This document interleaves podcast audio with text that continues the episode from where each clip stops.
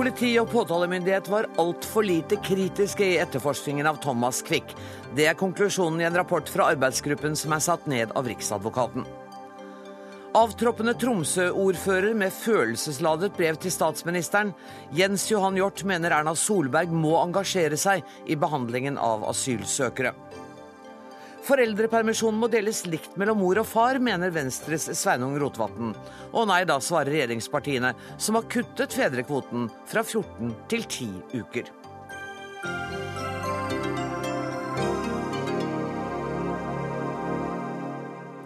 Vel møtt til Dagsnytt 18, der vi i dag også skal møte forfatteren av boka 'Jeg tør ikke fly'. Nå er Erika Jong ute med en ny roman, 'Jeg tør ikke dø'. Men først. Det meste gikk galt i etterforskningen av Sture Bergwall, eller Thomas Quick som han het den gangen. Det er konklusjonen fra en arbeidsgruppe nedsatt av Riksadvokaten. Sture Bergwall ble dømt for åtte drap, tre av dem begått i Norge. Senere trakk han tilståelsene, og er nå frifunnet for alle drapene. Arbeidsgruppen konkluderer bl.a. med at politi og påtalemyndighet ikke var kritiske nok og lente seg for mye på den svenske etterforskningen. Politiadvokat i Kripos Anne Cecilie Desaru, du har ledet denne arbeidsgruppen. Etter din mening, hva er det viktigste funnet med tanke på hva man kan lære av dette? Ja, Som nevnt så var jo hovedspørsmålet om vi var tilstrekkelig kritiske den gangen. Og kan ikke du sette deg litt nærmere mikrofonen? I rettslig sammenheng så er jo det spørsmålet om man har vært tilstrekkelig objektiv.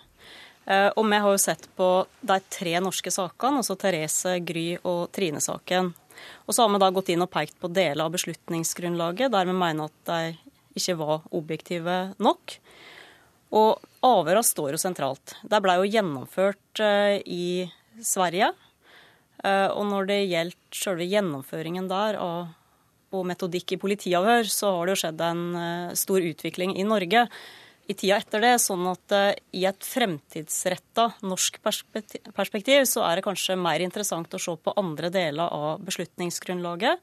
Og en av de tingene man har trukket fram, er jo bruk av sakkyndighet i straffesaker. Dermed så at konklusjonene ble tolka til støtte for Bergvalls skyld i større grad enn det var bevismessig grunnlag for, etter vår oppfatning. Og eh, læring ligger jo både i utforming eh, av mandat, eh, notoritet knytta til kontakt med sakkyndige, og ikke minst det å kunne være i stand til å vurdere bevisverdien av de sakkyndige konklusjonene. Det med notoritet går jo igjen på flere områder, da. Forklar det. I forhold til tekniske bevis f.eks., så er det jo viktig at det er notoritet hele veien ifra beviset blir sikra og fram til analyseresultat foreligger. Eh, og i eh, Gry-saken spesielt så var det jo eh, flere tekniske bevis som var sikra godt. Altså i den innledende etterforskningen i Norge så var det godt ivaretatt. Sånn at det der det som skjedde der, var jo at eh, de tekniske bevisene ikke ble utnytta godt nok i den taktiske etterforskningen mot Bergwall, etter vår oppfatning. Altså av svenskene? Det var ja, det de var som jo... foretok den siste delen av den etterforskningen, ikke sant? Nei, det her eh, var jo altså dels i avhørsprosessen, og den var jo eh, svenske myndigheter som hadde ansvaret for. Men i Norge også ble det jo gjennomført undersøkelser. Eh, men hvis vi da går og ser på årsaken eh, til eh, manglende objektivitet, da, så er det dels i forhold til ansvarsforhold. Altså En tidlig beslutning om å overføre straffesakene til Sverige for iretteføring førte etter vår oppfatning til en ansvarspulverisering. Hvem var det som bestemte at iretteføringen skulle foregå i Sverige? Eh, det er jo Riksadvokaten som bestemmer. Og... det burde ikke skjedd, etter deres mening nå? Jo. Eh, det var jo både. Det var både konvensjonshjemla og lovhjemla. Det skjønner jeg, men jeg syns nettopp du sa at det førte til en ansvarspulverisering. Det mm. at det ble overført til Sverige? Det var jo flere muligheter der. Eh, I en sånn situasjon så kan du enten velge å overføre straffesakene med en gang til etterforsking i Sverige. Riksadvokaten ønska ingen lettvint løsning ved å bare gi fra seg uoppklarte alvorlige straffesaker, sånn at eh, han hadde en intensjon om en selvstendig vurdering her i Norge. Nettopp for at norske myndigheter skulle ta stilling til tiltalespørsmålet. Og formelt sett så ble jo ikke sakene overført før anmodning om retteføring ble sendt. Men reelt sett så blei den beslutningen tatt uten at det var noe skriftlig notoritet på det, på et tidlig tidspunkt, sånn at alle var klar over at, at saken skulle ende der. Mm. Og sånn ubevisst da, så skjer det en ansvarspulverisering når du veit at de som til slutt skal ta stilling til det, er svenske myndigheter. Og videre så ga det legitimitet til den lederrolla som svenske myndigheter tok i den norske etterforskningen, og i etterforskningsskritt som skjedde på norsk jord. Ja, for Dere skriver at eh, det var de, svensk politi og påtalemyndighet inntok en lederrolle i den norske etterforskningen, og at det var de som bestemte hvilke etterforskningsskritt som skulle tas. Hvordan kunne nordmennene akseptere det? Ja, det lå nok i, eh, etter vår oppfatning, da, eh, i den vissheten om at straffesakene skulle iretteføres i Sverige. Samtidig så blei det jo uttalt et klart ønske fra eh, flere tjenestepersoner i Norge om å delta direkte i avhøra, men det ble aldri sendt noen formell anmodning om det. Um, og så har vi òg sett på sånn at Ansvarsforhold er jo et læringspunkt. At det må være klart for alle eh, hvor ansvaret ligger og hvor det innebærer. Og så må det være notoritet over det. Altså, ja. Um, i denne rapporten ligger det jo også en kritikk av landets øverste påtalemyndighet. Var det noe Riksadvokaten kunne ha gjort på et tidligere tidspunkt? Um, så den, når først den beslutningen om svensk iretteføring uh, var tatt, da uh, så, så, er nok det årsaken til ansvarspulveriseringen. Uh, så det en, en kunne gjort, men det blir jo etterpåklokskapens lys. Det er jo det vi driver med ja, her. Og det, det, det, er jo selvfølgelig å, å avvente den beslutningen. Mm. Og si at uh, vi vil avvente den endelige beslutningen til vi har gjennomført etterforskningen her i Norge. Mm. Det ville vært en mulighet, i hvert fall. Asbjørn Raklev, du er ekspert på avhør, og du har også sittet i denne arbeidsgruppen. og Et av punktene som diskuteres, er forholdet mellom avhør og terapi. Og det er vel kjent at terapeuten til Bergwall hadde en stor innflytelse. Ehm, hva er det som gjør at dette punktet er så vanskelig? Ja, klart, altså Politiet vi er jo eh, trent opp til eh, å samle inn eh, så nøyaktig og pålitelig informasjon som overhodet mulig, eh, slik at de, skal, opplys, de, opplysningene vi innhenter, skal stå seg som bevis eh, i en rettssak. Eh, terapeuter har ikke det perspektivet med seg overhodet. snarere tvert imot. De, deres hensikt er jo å helbrede pasienten. Det er et helt annet perspektiv enn en, en et politiavhør. I denne konkrete saken var det f.eks. uheldig eller hvordan vurderer du det, at terapeuten var med alle de gangene hvor eh, Bergwall var ute for å se på åsted? Altså alle de ekskursjonene som politiet tok ham med på, så var terapeuten med. Hvordan ser du på det? Ja, det ble en, det ble en sammenblanding mellom terapi og politiavhør. Eh, og, og, og, vi har jo gått inn i dokumentene, og vi ser jo at eh, til slutt så, så, så ble Bergwall selv, og det var ikke rart, han ble forvirret om For han sa ja, dette har jeg jo sagt tidligere, men så viste det seg at det hadde han sagt i terapien. og altså, det, det, var en så tett hva skal vi si, kobling eh, mellom de to institusjonene der at eh, ja, han begynte å rote selv, faktisk. Så nært var det. Eh, ikke bare det, men, men, men, men, det var jo også slik at terapeutene og de sakkyndige eh, svenske da, psykologer som var med i dette teamet, begynte faktisk å, å, opptre som, som, politi altså, under, under avhørene, og tok beslutninger som, som det er etterforskningsledere og politijurister som skal tas. Eh, så, så det var én side av, eh, av eh, Eller én av forklaringene til at det gikk som det gikk. Har vi hatt tilsvarende samrøre, eller er det noen saker i Norge som ligner på dette, eller er vi helt rene på dette feltet i Norge? Nei, øh, ingen straffesaker er nøyaktig like, og definitivt er det ingen som nøyaktig like denne. Men det er klart, altså problemstillingen knyttet til sakkyndighet og sakkyndiges bidrag inn i uh, uriktige domfellelser, det er ikke noe nytt. Nei. Det er bare å gå tilbake uh, til altså Det har vi mange eksempler på, dessverre. Dette er jo internasjonalt kjent også. I norsk, i norsk, norsk sammenheng så er det vel kanskje mest altså Hvis vi går tilbake til 1980-tallet, hvor, hvor, hvor det var en rekke menn som ble dømt for seksuelle misbruk av barn basert på eh, eh, medisinske konklusjoner som, som, som, var helt uriktige. Så, så, det er ikke et ukjent fenomen. Men det er som Anne Cecilie sier, at vi, vi, vi må utvikle metodikk som gjør at eh, når neste problemstilling kommer, så, vi, så tvinges vi til å, å, å være mer kritiske. Finn Abrahamsen, du var leder for voldsavsnitt ved Oslo politikammer eh, under to av disse tre norske sakene. Det stemmer det. Hvor mye husker du av dette?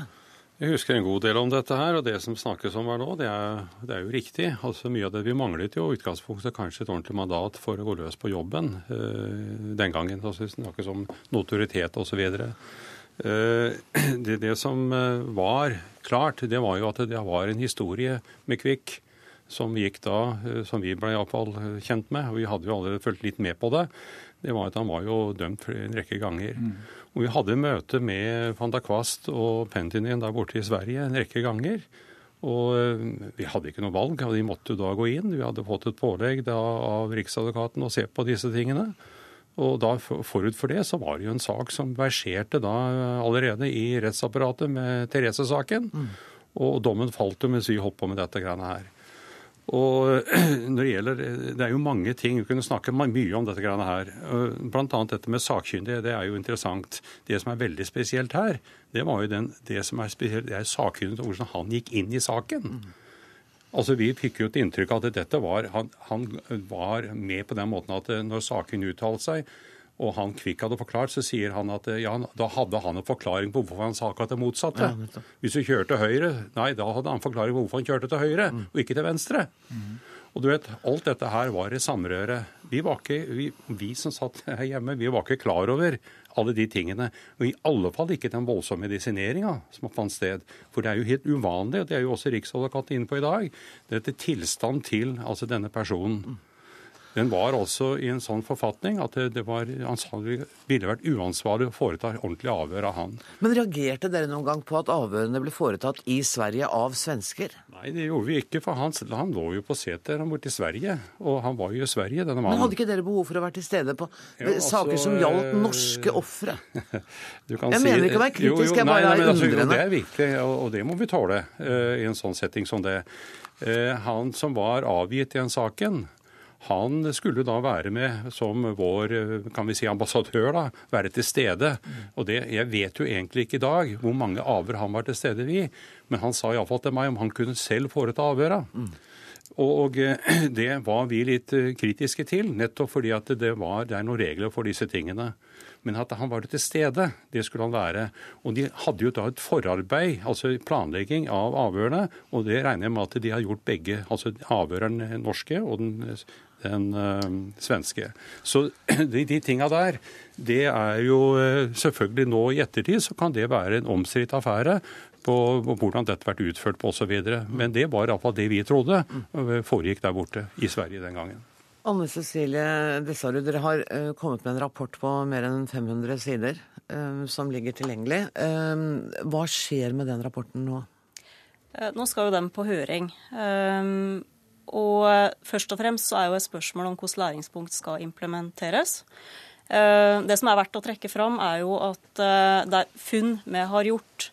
Mange av dem ser vi jo at det allerede er godt ivaretatt da, gjennom det arbeidet som allerede er iverksatt i mm. regi av Riksadvokaten, altså påtalelinja, Politidirektoratet, Politihøgskolen. Sånn at en tanke er jo at er funnene som er gjort, og de tiltakene som det er forutsett, kan ivaretas gjennom det arbeidet som allerede er igangsatt. Men først så skal den på høring. Den skal på høring, og så hva er prosessen videre da? Når den er ferdig på den høringsrunden? Det blir opp til oppdragsgiver eh, opp ta stilling, stilling til. Ja. Mm. Men den bør ikke legges i en skuff? Nei, det håper vi at den ikke blir. Tusen takk for at dere kom, Anne Cecilie Dressarud, Finn Abrahamsen og Asbjørn Drakled. Dagsnytt 18 alle hverdager klokka 18. På NRK P2 og NRK2.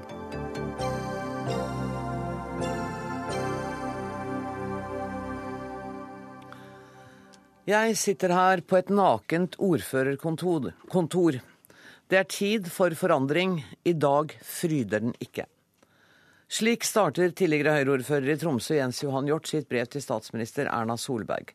Han ber Solberg engasjere seg i behandlingen av asylsøkere generelt, og kritiserer behandlingen av asylsøkeren Chucks spesielt.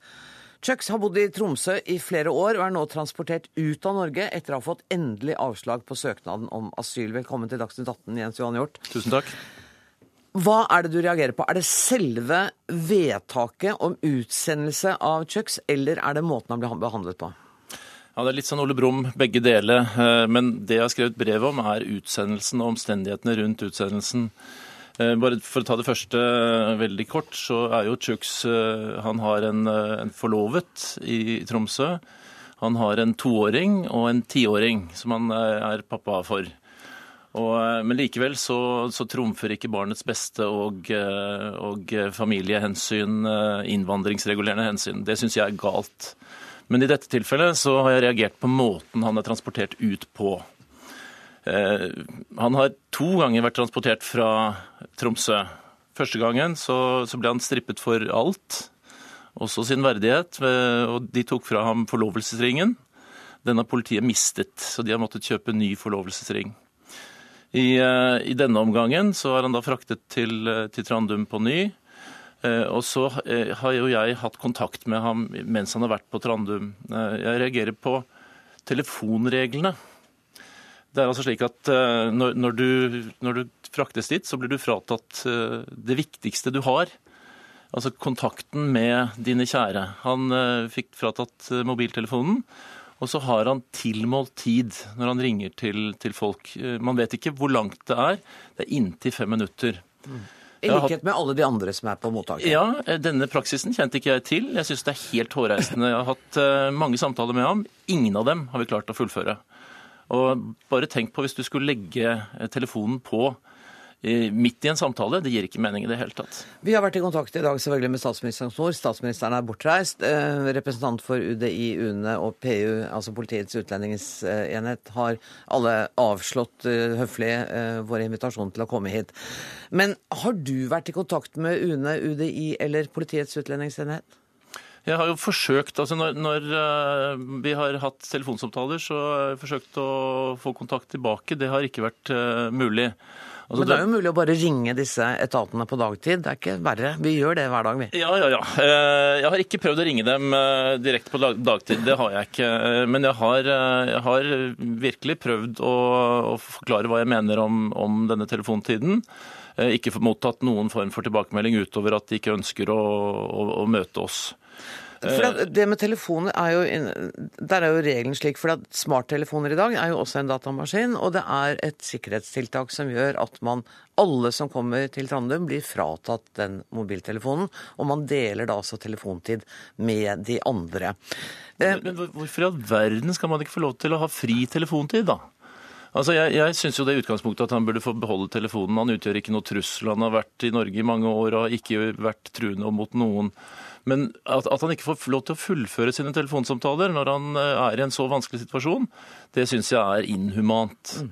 Og det gjelder da alle de andre også. Da er du, ja. du er like engasjert ja. i, i, alle de andre. Absolutt. For det, det man ikke kan la være å lure på, er hvorfor du som avgått eh, ordfører engasjerer deg så kraftig i en enkeltsak, i stedet for at du går til ditt eget parti som sitter med regjeringsmakt, og sier hør her, disse reglene de må dere gjøre noe med, og så ta det opp i interne organer i ditt parti.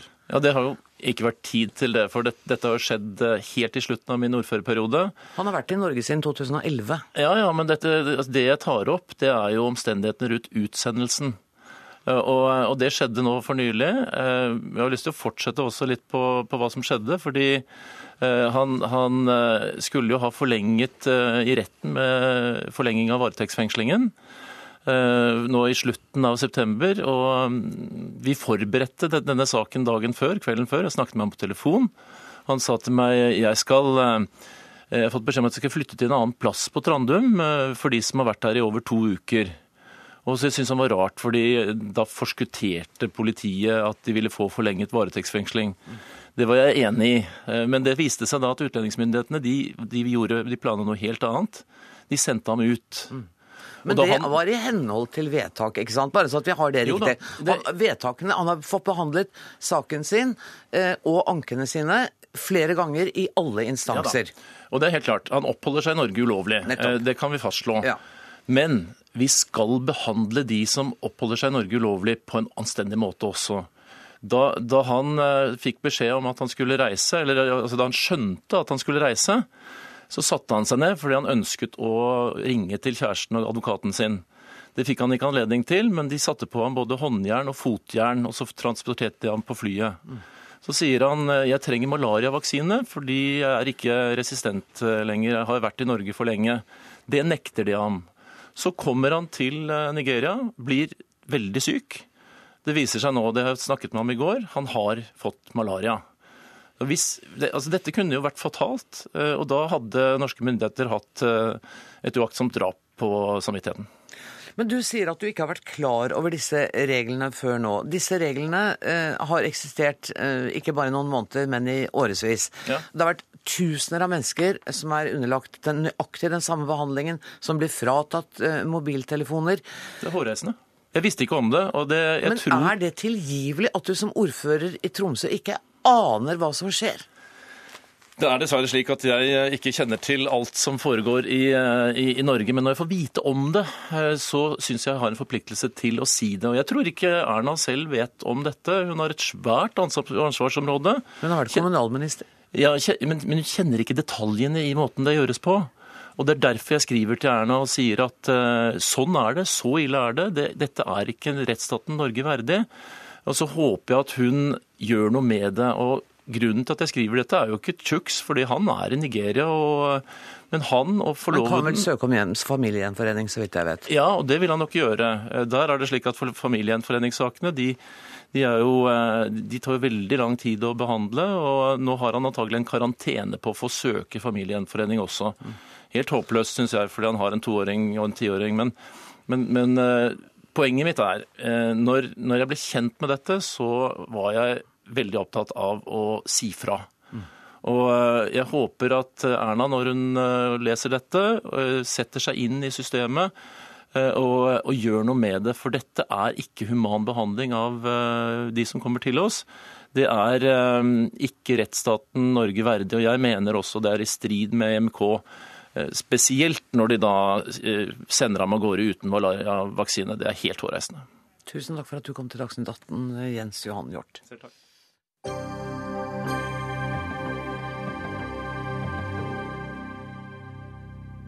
Skal mor og far dele foreldrepermisjonen likt og kontantstøtten fjernes? Ja, så absolutt, mener Venstres stortingsrepresentant Sveinung Rotevatn, og taler dermed sentrumsvenn KrF midt imot.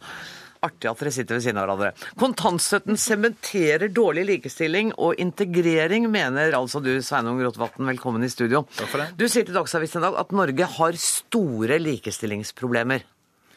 Ja, vi har det på eh, en rekke områder. Eh, det er jo en del som går og tror at vi på en måte er i mål, men når vi ser på arbeidsmarkedet f.eks., så kjønnsdelt som det er, eh, når vi ser hvordan kvinner sakker etter menn i lønnsutvikling og karriereutvikling, og ikke minst når vi ser på den ganske tunge diskrimineringa som veldig mange kvinner blir utsatt for i intervjusituasjoner osv. når det gjelder svangerskap og graviditet, så mener jeg at vi langt fra er i mål for å sørge for like vilkår for kvinner og menn. Og for å rette på dette, så vil du frata kvinnene en del av eh, barselpermisjonen? Nei, Det jeg har sagt i dag som et innspill til en debatt både i Venstre og gjerne i andre partier, det er at jeg syns det er naturlig at velferdsrettigheter er knytta til individet og ikke til grupper. Jeg mener at en bør ha like retter til fødselspermisjon for både mor og for far. Eh, og det er det mange som er glade for og ønsker seg. Fordi en ser jo det i dag, at det er et ganske tungt press på mange menn eh, om å ikke ta ut mer permisjon enn det de absolutt må. Eh, og vi ser at nettopp det at kvinner blir veldig lenge vekke, og at menn ikke tar like stort ansvar, er med å sementere de forskjellene vi ser i arbeidsmarkedet.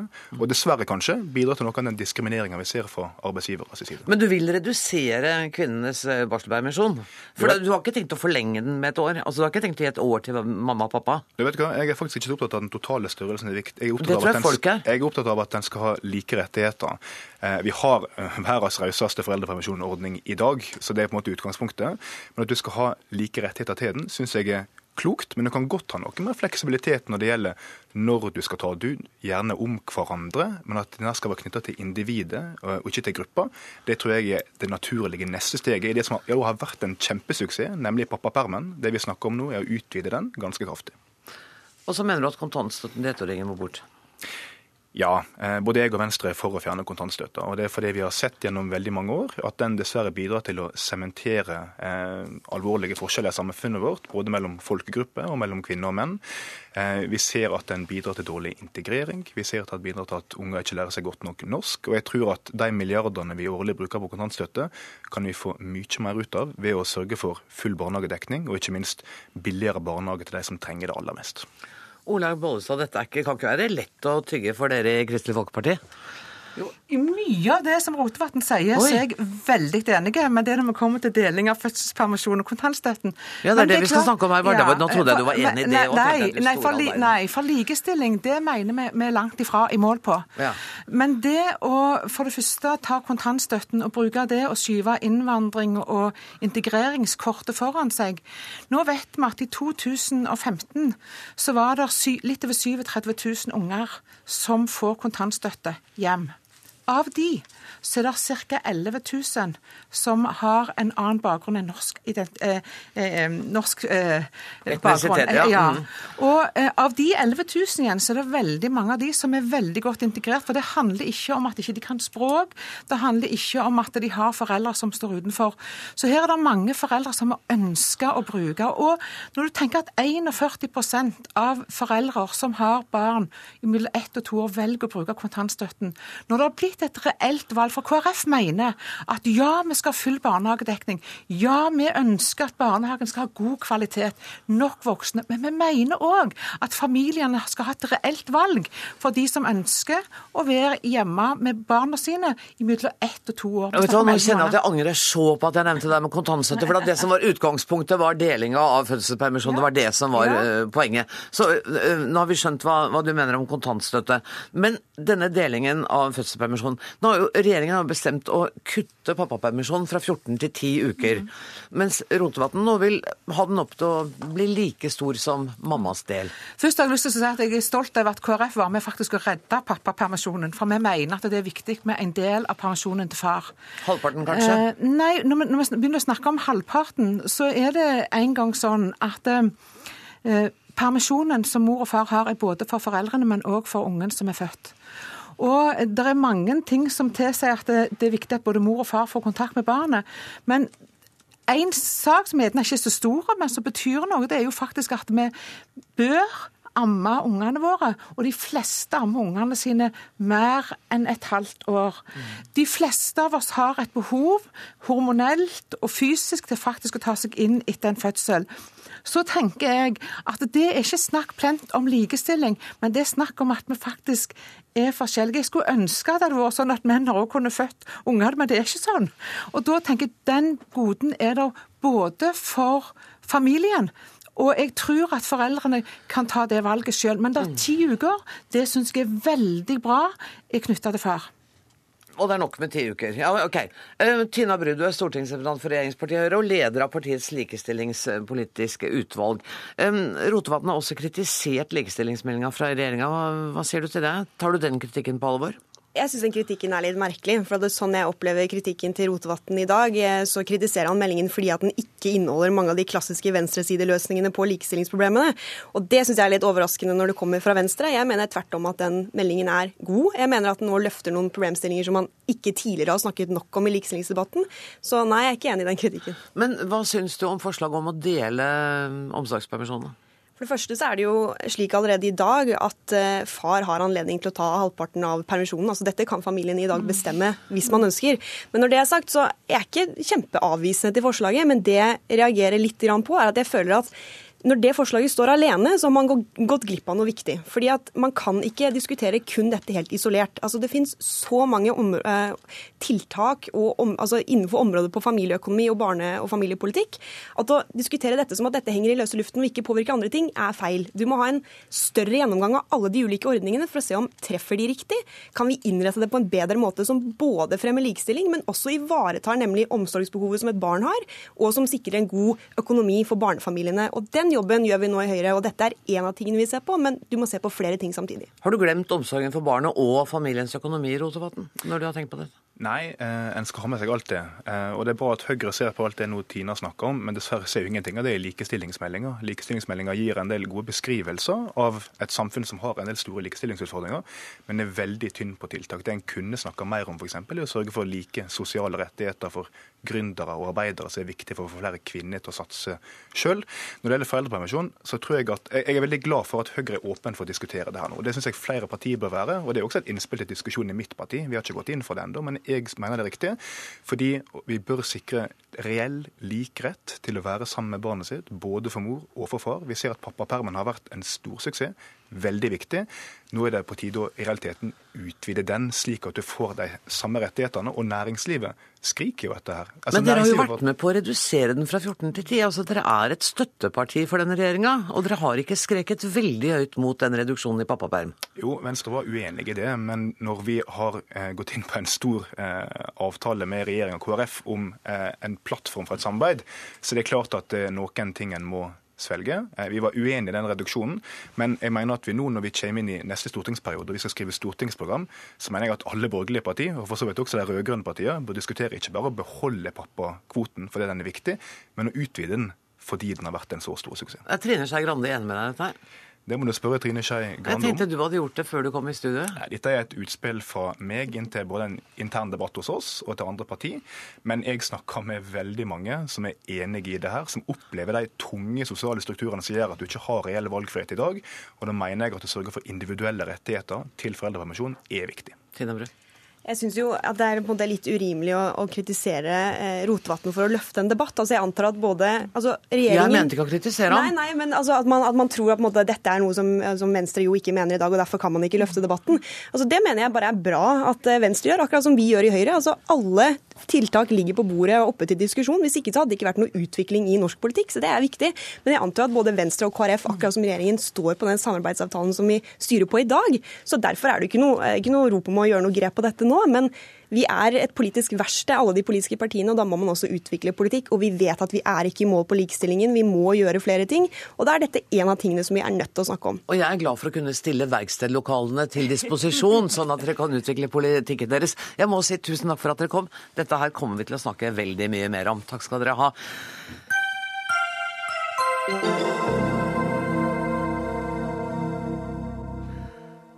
Om lag 1,5 millioner nordmenn er i risikogruppa for alvorlig influensasykdom pga. enten alder eller kronisk sykdom.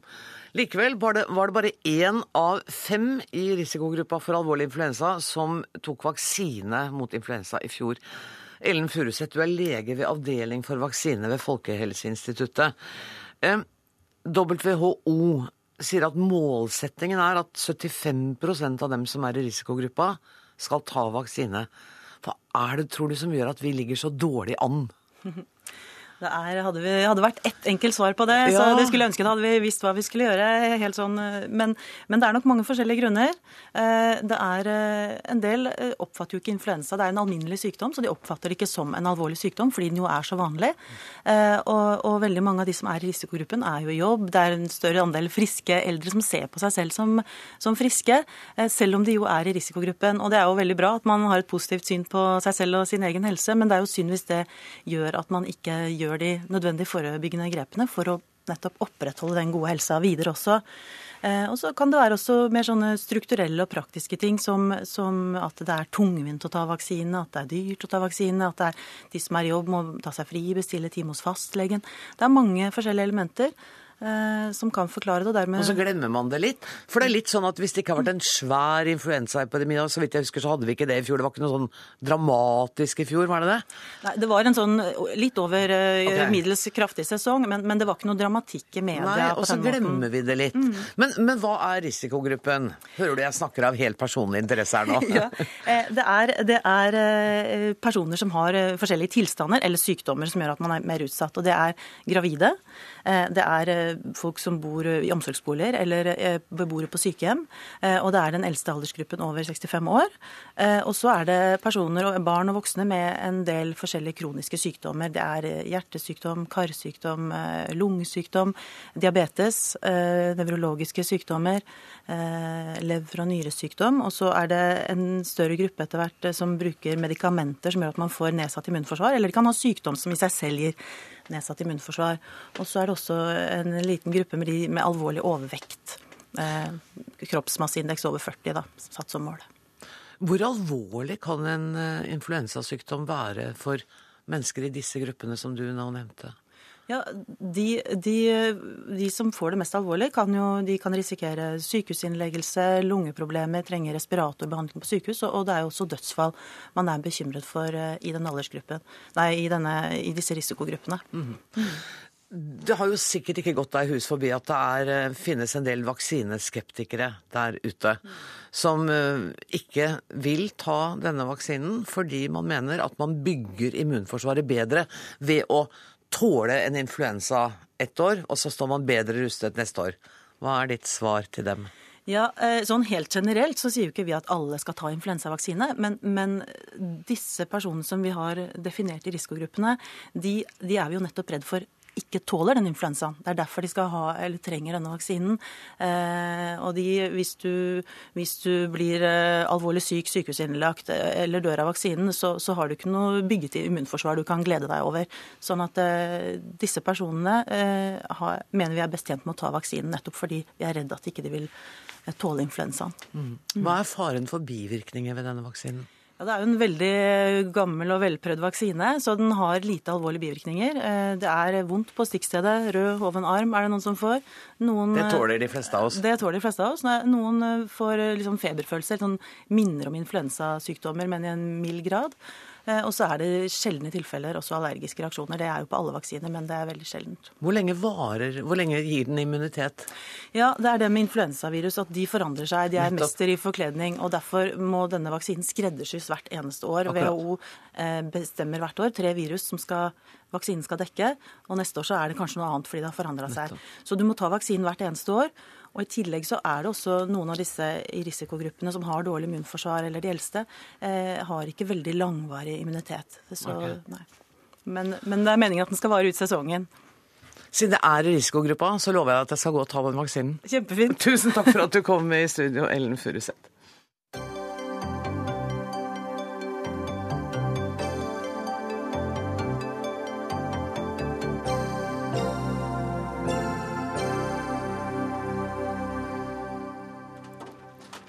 Du kommer trolig til å betale mindre skatt av inntekten din i fremtiden, for skattesystemet kommer til å bli lagt om. Det er nemlig enighet mellom Arbeiderpartiet og regjeringen om at din inntektsskatt skal ned.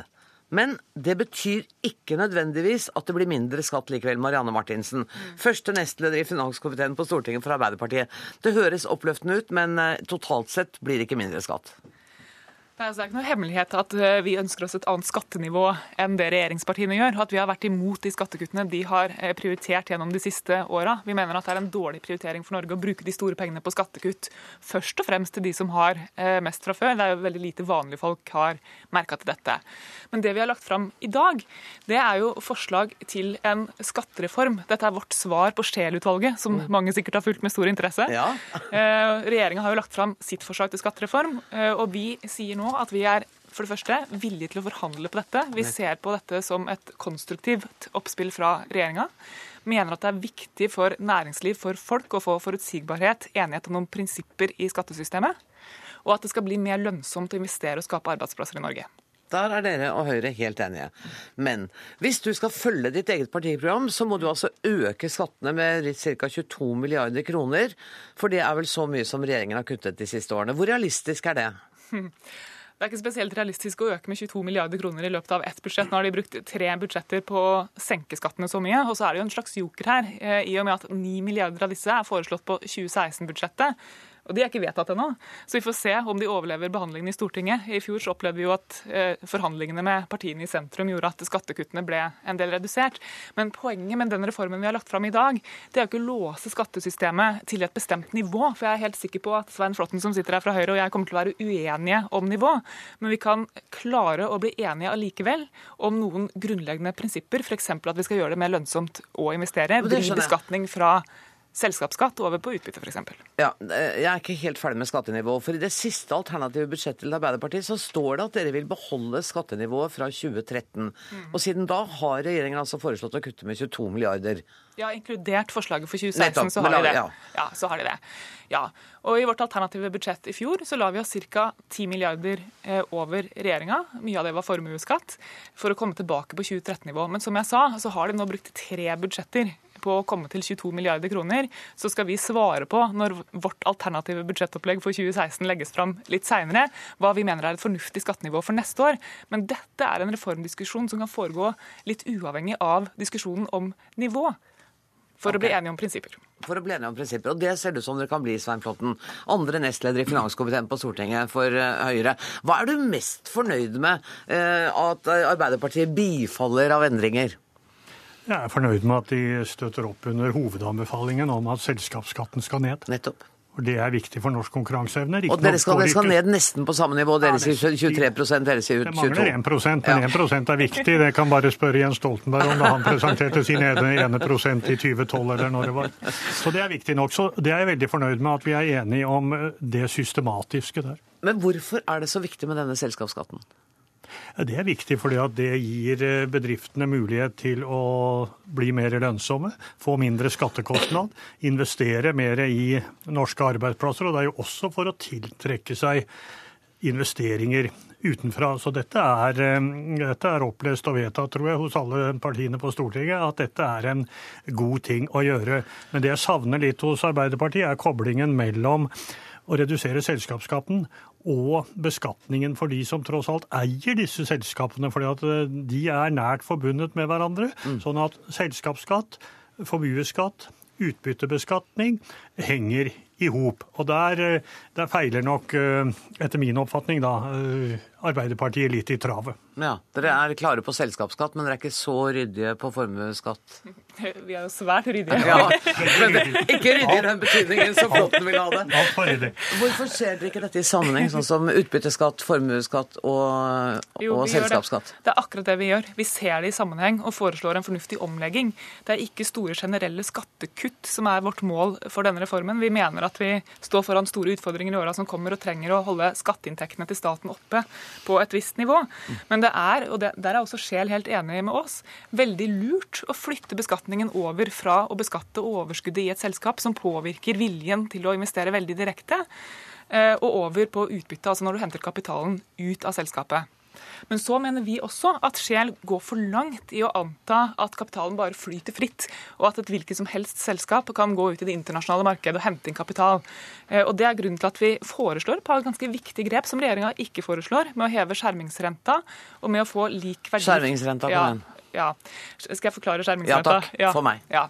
Eh, skjermingsrenta skal avspeile den avkastningen du kunne ha fått hvis du ikke tok risiko. For det er alltid risiko forbundet med å gå inn i et selskap. Det kan gå konkurs, mye kan skje, du kan tape pengene dine. Og du kan alltid plassere dem f.eks. i banken eh, og, og, hente ut utbytte fra det eh, uten å ta risiko. Og for å stimulere til at man faktisk investerer i selskaper, mm. faktisk tar risiko, går inn i oppstartsbedrifter hvor det er usikkerhet, så må det skjermingsfradraget fungere.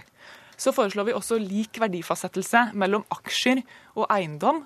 Eh, og da snakker vi sekundæreiendom og næringseiendom i formuesskatten, for å mobilisere mer norsk kapital bort fra eiendom og over i mer produktive investeringer. Så dette er to grep som vil bidra til at mer norsk kapital kan mobiliseres eh, inn i norske bedrifter. Og da jubler du, Flåtten? Ja, men, men altså, hovedsaken er at Arbeiderpartiet snakker om å være på et mye høyere skattenivå. De mm. sier i denne meldingen sin at formuesskatten skal økes, eierskapsbeskatningen skal økes.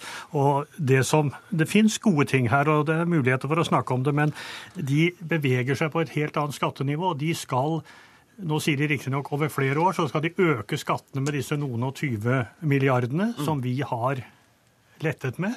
Og hele meldingen deres. Du sier jo ikke det så tydelig, da. Hun sier at det skal de se Jo, på. hun sa det her. Hun Ja, sier at det kommer over flere år. Over flere år. Eh, og de er, de er veldig vage på hvor de vil hen på nivå. De står i øyeblikket på sitt vedtak fra i fjor om at det skal være et skattenivå fra 2013. Og de er, ja, men la meg, la meg også meg få lov å snakke. Dere må forklare hvem er det som skal få skatteøkninger, for deres regnestykke går faktisk ikke opp. Dere må forklare noen hvem skal få skatteøkninger. Men la oss gjerne begynne å snakke om skattesystemet, Nei, men dere kommer ikke unna ikke å snakke om nivået. La oss bare spørre hvem er det som skal få skatteøkningene. Altså, I dette systemet som vi foreslår for beskatning av bedrifter, så er det flere elementer. Ja. Selskapsskatten ned, utbytteskatten noe opp. Skatt på finansnæringa, der er vi enige med regjeringa. Det kan dra provenyet opp. Eh, og I tillegg så foreslår vi å gjøre det vanskeligere å flytte, flytte utbytte ut av Norge uten at det kommer til beskatning. Så summen av dette er det helt mulig å få til å gå ca. i null. Okay. Ikke på krona, selvfølgelig, men, eh, men et system som ikke legger opp til at staten taper store inntekter. Jeg må gå til noen som kanskje snakker mitt språk. Bernt Bangstad, styreleder i Aksjonærforeningen. Hvordan kommer dette til å påvirke dem som sparer i fonds, f.eks.? Vanlige folk tenker jeg på nå, som har satt av noen sparepenger i fonds. Ja, Martinsen var eh, inne på at eh, de som kommer til å få eh, økt skatt, eh, er eiere. Ja. Altså Det introduseres en eh, eierinntektsskatt. Og det nedslående ved det er at eh, eh, de av oss som sparer i fond, og det er mange som gjør det, vi er omtrent en million nordmenn som sparer i fond. Eh, og de av oss som sparer i børsnoterte aksjer, eller i aksjer i det hele tatt, mer enn 350 000 sparer bare i, i, i aksjer. Eh, vi eh, beskattes som om vi er aktive eiere, som om vi er skatteplanleggende, inntektsskiftende næringsdrivende. Og det er vi ikke. Vi er sparere. De av oss som sparer i børsnoterte aksjer, vi er sparere som sågar er spesielt opptatt av næringsliv og verdiskaping. Eh, og dette er folk som både Martinsen og Flåtten eh, bør ta godt vare på. Men hvordan kan de gjøre det? da? Hvordan kan de ta godt vare på dere som sparer i eh, aksjer? Eh, På hvilken måte kan skattelettelsene gjennomføres for din del?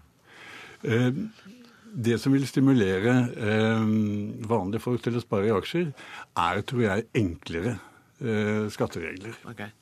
Ikke nødvendigvis reduksjon? Eh, og det med oh, jo, det òg, ja. avkastning, ja, avkastningen på aksjesparing skal beskattes som all annen kapitalbeskatning. Altså som dine bankrenter, f.eks. Mm, flotten. Eh, Det vil gjøre skattesystemet forståelig eh, for, eh, for vanlige sparere. Men vi må huske på å benytte denne anledningen til å fortelle også de som sparer i aksjer og aksjefond, at de selskapene de sparer i, de får da 2% og så får de kanskje 5% lavere selskapsskatt. Det betyr at de får en høyere lønnsomhet, og verdiene for oss som sparer da i aksjer, vil faktisk øke. Jeg ser at det er pedagogisk utfordrende, men det er faktisk riktig. Det er helt riktig. Men, men men fortell den som må betale 41 i skatt på sitt aksjeutbytte. Eh, at Så er det en mager trøst, ja. egentlig ikke har betalt noe særlig mer når han er vant til å betale 27% Og de som, betaler, de som har eh, bankrenter, betaler 25% Det er en ganske vanskelig oppgave. Da må vi snakke med Kjetil Storsletten, som er professor ved Økonomisk institutt ved Universitetet i Oslo. Altså, Selskapsskatten skal ned eh, til 23 eller 22% Det høres da veldig bra ut for norsk næringsliv? Det er veldig bra. Eh, målet for et skattesystem, for et skattesystem er å ta inn eh, den nødvendige kronen med minst mulig skade. Skal mest mulig ull, minst mulig skrik. Og selskapsskatten er sannsynligvis den, er en av de verste skattene. Den, den, den, eh, det er gans, ganske lite skatteinntekt, men sannsynligvis um, ødelegger den ganske mye investeringer. Um, det, um, og, det, det problemet med Scheel-utvalget, og som også regjeringa og Arbeiderpartiet den linja de legger seg på, er at de samtidig som de vil sette ned selskapsskatten, så vil de også senke eh, Gjøre noe med, med skatten på personinntekt. Etter mitt syn så er det unødvendig. Ok, Så personinntekten kan være på det nivået den er? Etter mitt syn, ja. Okay. Um, fordi um, Scheel-utvalget de kjører veldig hardt på dette prinsippet om at høyeste marginalskatt på kapital skal være lik høyeste marginalskatt på arbeid. For hvis ikke så kan det lønne seg å flytte fra om, omdanne det som egentlig arbeidsinntekt kaller for kapitalinntekt. Det er klart, den, sånn er, det vil jo være et visst element av det hvis det finnes store forskjeller. Ja. Men i praksis så er ikke det en veldig viktig effekt. Um, I Norge så er det en liten forskjell, 7 I Sverige så er den eh, forskjellen 25% uten at Sverige går av den grunn. Um, så det, det, det, er kort og godt en, fik, en norsk, en, en fiks idé blant eh, jeg tror, eh, skatteøkonomer og en del jurister at dette her, dette her prinsippet er så viktig. Dette så, likhetsprinsippet dette er så viktig. Vi må ha det gjennom for enhver pris. Men, men, det vil jo bety, hvis man opprettholder dagens nivå på inntektsbeskatning, da, så vil jo det da bety at staten får mer penger enn det disse vil tenke at de får. Ja, Det koster jo noe å gjøre en, den selskapsskattereformen. Nettopp. Det koster noe. Men um, um, jeg har ingenting imot å bruke penger på mye penger, eventuelt mye penger på skatteletter. Men, men da er det viktig å bruke, sette inn pengene der og lette de skattene som gjør mest skade. Nettopp. Sette penger, gjør innsatsen der hvor det gjør mest skade. Hindre mest skade. Altså, jeg tror ikke egentlig det er noe fiks idé. Dette Det er en idé vi har hatt her i landet siden 92 om at det er det enklere og, og, mer oversiktlig å ha den samme skattesatsen. Det har vært tilpasninger. Det er sikkert mange som husker delingsmodellen, juvelen i kronen, alt dette av oss som har levd en stund. Og det var jo også her snakk om forenklinger i skattesystemet. Så jeg tror at av den grunn så er dette viktig å gjøre det på den måten. For da får du en forutsigbarhet. Du har hatt det hele veien. Men jeg er enig med Storesletten. Det hadde vært fullt mulig å ikke gjøre det, men da har du tilpasningsproblematikken og en god del byråkratiske øvelser for å få det til. Det neste store høydepunktet for meg det blir budsjettbehandlinga i Stortinget. Akkurat nå står det en forfatter utafor døra og venter, seg jeg må be dere om å gå. Tusen takk for at dere kom, Marianne Martinsen, Kjetil Storsletten, Bernt Bangstad og Svein Flåtten. Hør Dagsnytt 18 når du vil. Radio NRK NO.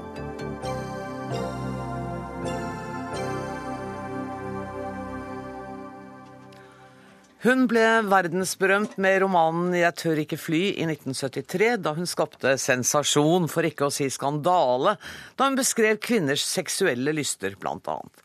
Siden den gang har hun utgitt både romaner og sakprosa, og nå er hun aktuell med boka 'Jeg tør ikke dø'. Welcome, Erika Young. We're honored to have you on the show. Thank you. Thank you so much for coming. So lovely to be back in Oslo. Is it? Oh, it's so beautiful. Even though it's cold and wintry. It's not cold. You have the most beautiful autumn leaves, and everything looks so beautiful to me. Oh, I'm so And because I'm a native of a big chaotic city, New York, when I come to a small beautiful city, I always think I should move here. and you should, if you could. Um, I, I, of course, have read uh, Fear of Flying. Now I read this one. And it seems to me that your fears have switched from flying to dying. Or is it. From flying to Well, I'm, I'm not really afraid of dying. Okay. I think, I mean, I saw my mother die, and she was ready. She was nearly 101. It was one week before her 101st birthday. She was not afraid. In fact, she used to say to me, I've done everything, I'm bored. And my mother was not a bored person. She was a very active, passionate, a great talker. She never played Scrabble without making a seven letter word. Oh. She was ferociously intelligent, a wonderful painter. But at the end of her life, she said, I've done it. Mm. And she said, You know, I've painted all these pictures. I've made all these seven letter words. She didn't say that. Um, I have all these grandchildren and great grandchildren, and I am tired. I just had to translate a little bit. Erika Young sier at hun er ikke redd for å dø. Hun har opplevd at hennes mor døde, hun var 101 år gammel. Og moren var rett og slett mett av dage. But your main character in the book, Vanessa, um, she also has parents who are dying, and they die uh, in in the book. And I think the way you describe their last few weeks and days and her reaction is so touching. Thank you. Um, and the difficulties to see them die and yet somehow be relieved that at least they go. But that is the most interesting thing, I think, about watching your parents weaken. One minute you say, I never want to lose them. And the next minute you say, Oh, I wish mm. they would be out of their pain. So you're in a constant ambivalence. And I really wanted to capture that. And you do. You Yeah. really do. And then there's a strange thing. When I have Erika Young in the studio, we have to talk about sex, I'm afraid. But it's your choice, actually. Well, I don't know. But Because- anyway. Because Vanessa, I mean, she's married to a much older man, um, and she is worried not so about, much about dying, perhaps, as about aging and not having sex. Well, you know, I deliberately made Vanessa an actor. And they have a special thing about their looks. You know, if you're a female and an actor, you don't get parts if you don't look a certain way. This is not so true with writers. Although in an age of television, it's more true than it used to be, especially high definition TV. I know. But but why is sex so important? I mean, she is in her sixties. Her husband is eighty-five. Couldn't they just let that be gone now? Well, I always used to say I won't write about sex if people stop being interested in sex. Well, we are. yeah. I mean, it's part of human life, and people measure themselves very much in our society by their sexual attractiveness. And actually, I think that's rather sad. Um, and I, I have quite a lot of criticism in this novel, quite a lot of satire mm. about the way we measure ourselves about attractiveness. Mm. And I am a satirist, and I am making fun of, of some of this, really. Many people, I've discovered many people have no sense of humor. So true. And so you write about certain things with humor, but they don't get the humor. Don't they? E- even when she has her surgery, there's no humor. She has surgery on her face. I thought that was hilarious. I think so too. Oh, it's incredible. Um, time is running out. Uh, jeg må bare, I need to translate a little bit. Good. Hun sier at det er helt håpløst hvis folk ikke har humor. Dette er en bok med humor, om sex, med humor på det feltet også. Og at hun skriver om at det er bekymringsfullt hvordan kvinner blir opptatt av sitt eget utseende. What is your view on feminism these days? Oh, I'm a passionate feminist. I always have been.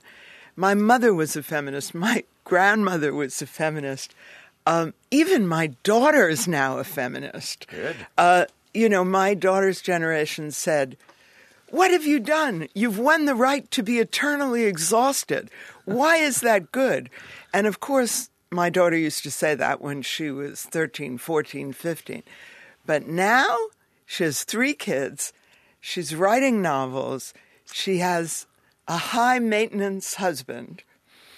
And she has complete sympathy for feminism. So there you are. Yeah. Um, you have always said, and we only have a few seconds, that there was nothing autobiographical in um, Fear of Flying. Are there any such aspects in this book? Oh, every book that you write comes out of your own life. Yeah. I mean, I said this, Virginia Woolf said this, Yeah. Dickens said it. I mean, Every author I met said this. You know, What? there's nothing about me, and you know, after a few years, I said, okay. Well, we do write out of our own passions. At least the good books are out of our own passion. If you think about Charles Dickens, the books everybody loves most hmm. come most out of his own life. Great Expectations, David Copperfield. Erika Young, I'm so so sorry to have to shut your you short, short because um, our time is up. It's inevitable to write out of your own life. I would like to sit here for another hour, but thank you so much for coming. Ansvarlig for sendinga i dag var Ida Tune Ørjesland. Det tekniske ansvaret har Lisbeth Sellreite. Jeg heter Anne Grosvold, og jeg håper vi ses igjen på samme kanal i morgen. Takk for nå.